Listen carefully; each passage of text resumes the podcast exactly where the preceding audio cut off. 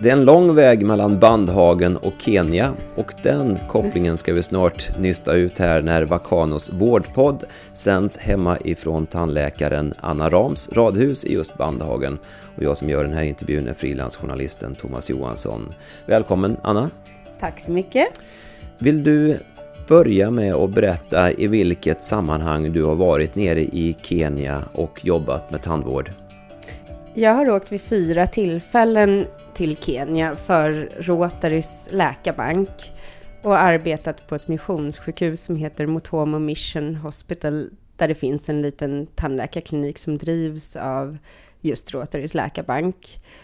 Och där har jag sex veckor åt gången arbetat med mestadels akuttandvård, så att folk som har verk och kommer till kliniken, men lite också med skoltandvård, där man själv tittar igenom barnen i skolan, tittar på deras tänder och sen kallar in dem, de som har ett tandvårdsbehov till kliniken. Och eh, hur fungerar det här i praktiken? Då är det vad jag förstår en tandläkare som är på plats i taget och sen så alternerar, vi, alternerar ni? Ja, det stämmer. Så att när, när man har varit där i sex veckor så kommer det ner en till och man möts över en lunch för en överlämning och går igenom ifall det är några patienter som har behandlats på kliniken som kommer att komma tillbaka. Till exempel kan det vara patienter som har skadat sig, råkat ut för något trauma och fått käkarna eller tänderna fixerade och, och, kommer att återkomma till kliniken. Sånt är bra för efterträdaren att veta och lite hur man ligger till med den här skolscreeningen, vilka skolor man har gått igenom och sånt där. Så det är sådana saker man stämmer av vid den här lunchen och sen, sen byts man av. Och sen är sköterskorna på plats, de, de är kenyanskor och fungerar som tolkar, både tandsköterskor och, och tolkar samtidigt. Mm. Om vi backar bandet lite, lite grann, hur kom du in på det här och hur beslöt du dig för att det här vill jag göra? Jag visste redan eh, direkt efter examen att jag ville åka på ett volontäruppdrag och då fanns det just för tandläkare inte så jättemånga alternativ. Utan, utan det var Rotarys läkarbank som var, som var alternativet. Så jag sökte runt lite på nätet och hittade dem och kom i kontakt med han som var koordinator då. Men han ville att jag skulle hinna jobba ett par år så att jag hade lite erfarenhet. Just eftersom man är ensam på plats så, så är det bra att, att ha, ha skaffat sig lite erfarenhet först. Så att jag jobbade i tre år efter examen och sen, sen åkte jag ner första gången. Och så blev det sammantaget fyra resor ner. Ja, precis, precis. Vill du berätta om en eh, typisk dag på jobbet? Hur har det fungerat det här? Eh, en typisk dag börjar med morgonmöte och då sitter man tillsammans med övriga vårdpersonalen så att, så att även läkarna, om man har med sig en nordisk läkare, jag har vid alla tillfällen åkt tillsammans med en norsk läkare, och sen så är det, är det de inhemska läkarna, så att, så att man sitter tillsammans i ett möte och pratar lite om dagens patienter. Och, och så ofta är det inte så direkt kopplat till tandvården, men, men det kan vara lite intressant att höra. Och ibland är det gemensamma patienter just om det kring trafikolyckor och trauman. Så, så de där mötena brukar, brukar kunna vara bra att vara med på. Och sen går man över till kliniken och behandlar dagens patienter. Och en marknadsdag när det är hårt tryck på kliniken så kan det vara 30-40 patienter på en dag. En lugn dag kan det vara kanske 5-10 patienter och då är det ofta patienter som har något typ av akut tandvårdsbehov, så att svullna eller, eller verk som kommer till kliniken. Kan du beskriva miljön lite grann, lite målande framför oss här? Hur ser den här kliniken ut och vart ligger den? Och det är ett 60-talssjukhus, så att det är långa, långa korridorer och, och allt är byggt i, i cement och sten, så att väldigt, väldigt avskalat. Och sen ligger det här mitt ute i, i ett ökenlandskap. Så att när det har regnat så finns det lite grönt, men annars är det en väldigt gråbrun färgskala. Och eh, den här tandvårdskliniken är då en del av ett eh, missionssjukhus. Kan du beskriva det och den verksamheten där? För där har vi också svenska kopplingar. Ja, precis. Då är det en svensk läkare som deltar i arbetet på, på missionssjukhuset. Så att det finns inhemska läkare på plats Och sen hjälp, hjälps den, svensk, den, svenska läkaren hjälp, hjälper till och ibland eh, lär, lär upp den inhemska personalen i, i nya tekniker och sådär. Och eh, den vård som bedrivs, ga, gans, ganska stor del är förlossningsvård och, och relaterade ingrepp som kejsarsnitt. Men det sker även en hel del annan sjukvård, eh, traumabehandlingar och behandling av ormbett. Och det, det är ganska mycket olyckor av olika slag. Men sen så också behandling av vanliga sjukdomstillstånd. Och de läkarna som är där, de är också ute i fält ganska mycket, stämmer det? En del, men, men ganska mycket på kliniken. Det finns jeeplinjer också där man åker ut med en jeep och ställer upp kliniken temporärt i till exempel en skollokal. Men just i Motomo så, så stannar läkarna på missionssjukhuset ofta, men deltar ibland i fält, fältarbetet. Om man åker ut på den här jeeplinjen, hur, hur ser det ut och hur fungerar det? Då åker man, åker man med jeepen med mediciner och, och lokal personal som fungerar som, som tolkar. Och de här jeeplinjerna, de, de behandlar ju ofta van, vanliga tillstånd i fält som, som malaria och TBC och sånt där. Det finns också speciella bilar som åker ut och bara inriktar sig på att behandla HIV. Så Motomo har, har en sån, det är inte riktigt en jeeplinje utan det är sjukhusets bil som åker ut just till, till svårtillgängliga områden och ställer upp kliniken och kan då både erbjuda HIV-tester och, och behandling, bromsmediciner och behandling av besläktade tillstånd. Om vi återgår till eh, tandvårdsdelen där då. Hur är statusen skulle du säga för kring eh, tandhälsan i Kenya? Men ganska god. Det är ofta typiskt det att det är en tand som är väldigt karierad och att den behöver tas bort. Enstaka patienter har mer utbredda problem. Men oftast är det bara en enstaka tand. Och det är ju i och med att de inte går på några regelbundna undersökningar oftast så börjar det väl bli karies i, i en tand så, så fortsätter kariesen ofta tills, tills det blir värk och, och då, då tar man bort tanden. Så att, så att ofta när patienten kommer till kliniken så, så är tanden extraktionsmässig. Då, då är det att ta bort den som är enda behandlingen. Men tack och lov så är det oftast enstaka tänder. Och tänder som eh, i, i, i fronten, sådana som, ser, som syns när man ler, de erbjuder vi att rotbehandla. Så att det finns möjlighet att utföra enklare rotbehandlingar så att man kan bevara tanden.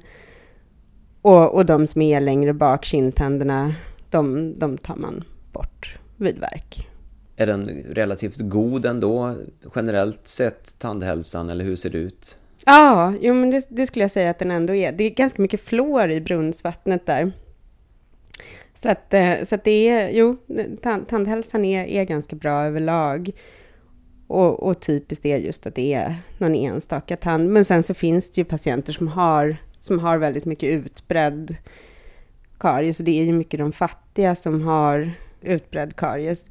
Dels är det brist på information, att man inte riktigt vet, eller brist på kunskap, att man inte riktigt vet sambanden som, som orsakar karies. Och ibland att tillgången på föda är så pass begränsad så att det blir det som finns. Och då kan det till exempel vara sockerrör eller majsgröt och sådana saker som är kariesframkallande. Att man inte har tillgång till getkött och sådana saker som, som är mindre kariesframkallande. De fattiga får problem för att man kanske inte sköter sin tandhygien på rätt sätt. Men sen så är det också de, de, väl, de bemedlade som också får problem. Berätta om det. Precis. Eh, de, som har, de, de som har mer pengar, de lägger sig ofta till med västerländska vanor, vilket också kan, kan orsaka karies. Så de, som, de som har mest karies, det är de, de, de väldigt fattiga, men också de, de, de rika. Att då kommer Coca-Colan in i bilden. Vilken roll spelar tandvård, tycker du, i ett, i ett samhälle som det kenyanska? Och det är väl förmodligen samma i, i massa olika länder, men just här, vilken, vilken roll spelar det och vilken nytta tycker du att ni gör på plats? Där kan det ju faktiskt ibland var, var livräddande, just att när folk har gått länge med kariesangrepp och det blir eh, svullnader och värk. Så det, det kan, jag har vid flera tillfällen sett svullnader som breder ut sig under under hakan och ner mot halsen. Och, och sådana svullnader kan vara väldigt, väldigt farliga.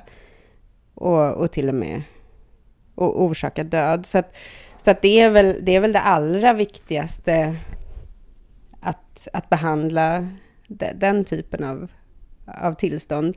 Men sen också ur en livskvalitetssynpunkt är att inte behöva gå runt med verk. Och sen kanske i sista hand där är det inte så socialt känsligt det här att, att sakna tänder. Men, men, men när, när, när en patient saknar väldigt många tänder så, så har det hänt att vi har gjort enkla proteser.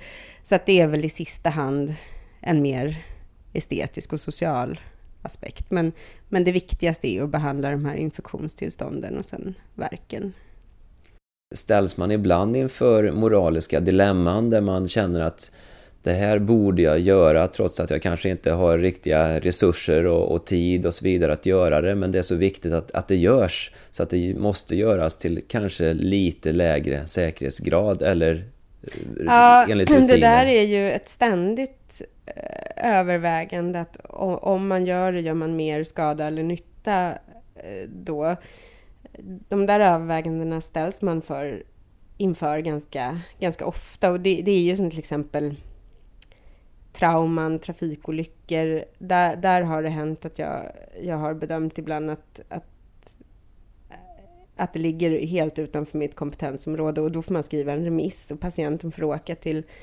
Nairobi eller till någon, någon närliggande större stad. Men det är ju alltid väldigt osäkert vad som händer med de här patienterna för oftast Oftast har de ju dåligt med pengar så att, så att det kan hända att, att de bara tar pappersremissen och, och in, inte åker. Så att, så att det där med att remittera känns alltid väldigt, väldigt osäkert. Och sen finns det lägen just där jag känt att jag har legat lite i utkanterna för mitt eget kompetensområde. Men att hellre det än att de bara, bara går hem. Mm. Jag förstår det. Finns det någon kunskapsöverföring från er till lokal personal där nere så att det här kan leva vidare och utvecklas på egen hand? Det här är, är någonting som har diskuterats väldigt mycket inom Rotarys läkarbank. För länge så har det här drivits så att, att det har kommit en svensk tandläkare var sjätte vecka ända sedan, sedan 1997 där, när kliniken öppnades. Men nu på senare år så har man börjat diskutera att, att man borde kanske lära upp någon, någon lokal antingen tandläkare om det finns att tillgå, men ofta är det svårt att få tag på tandläkare, men annars en clinical officer. Det finns en, en lite kortare läkarutbildning där man blir clinical officer. Så att, och man kan också bli någonting som heter dental officer. Så, att, så att, att lära upp en sån person för att successivt kunna överlämna verksamheten. Så, att, så att det är absolut någonting man har börjat diskutera och kanske glesa ur utsändningen av, av svenska tandläkare så att de mer lär upp den här personen och sen, sen successivt kan, kan överlämna. Mm. För egen del, vad är det du får ut av att göra det här?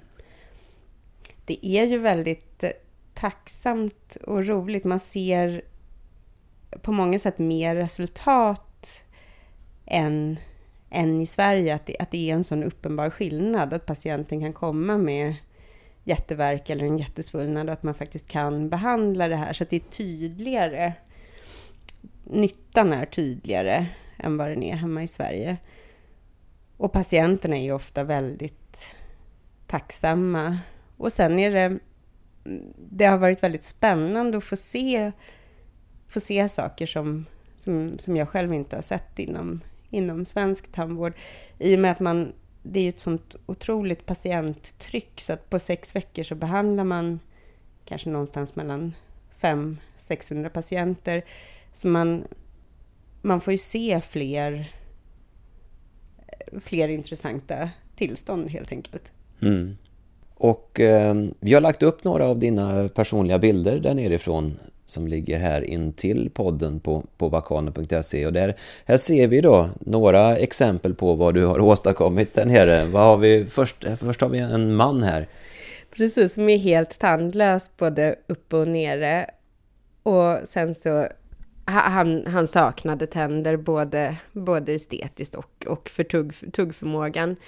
Så att eh, vi gjorde helproteser till honom både upp och ner och det är tandsköterskorna som är upplärda av en svensk tandläkare, för, eller tandtekniker, för att göra proteserna. Så att jag tar avtrycken, men sen är det tandsköterskorna, de kenyanska tandsköterskorna som gör helproteserna i ett litet labb som finns på kliniken.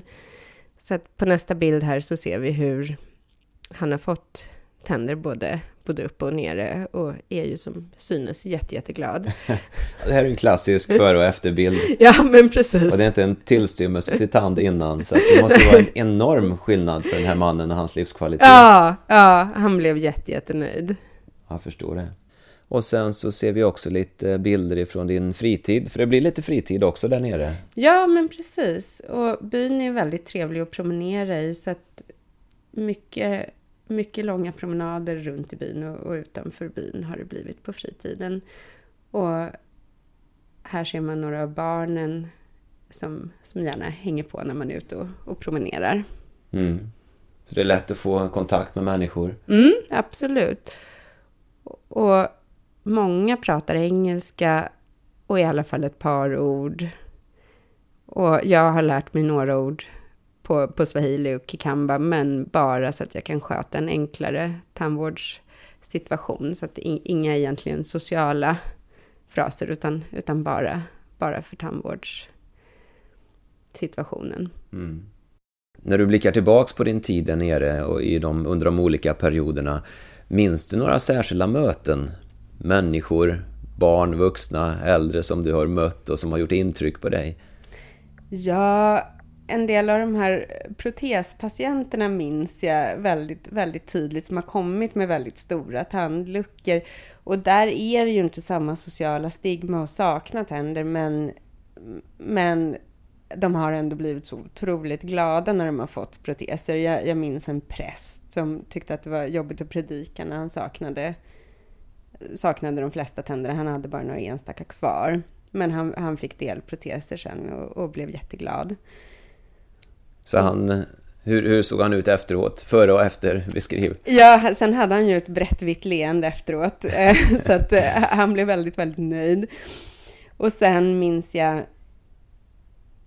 jag minns ett par kvinnor som har dykt upp och varit väldigt eh, svullna och, och, och som har haft antingen diagnostiserad eller odiagnostiserad HIV. Jag, jag minns speciellt en som eh, var svullen på ett, på ett lite oförklarligt sätt. Eller svullnaden var stor i förhållande till infektionskällan. Så att hon, hon tog ett HIV-test sen på sjukhuset och visade sig vara positiv.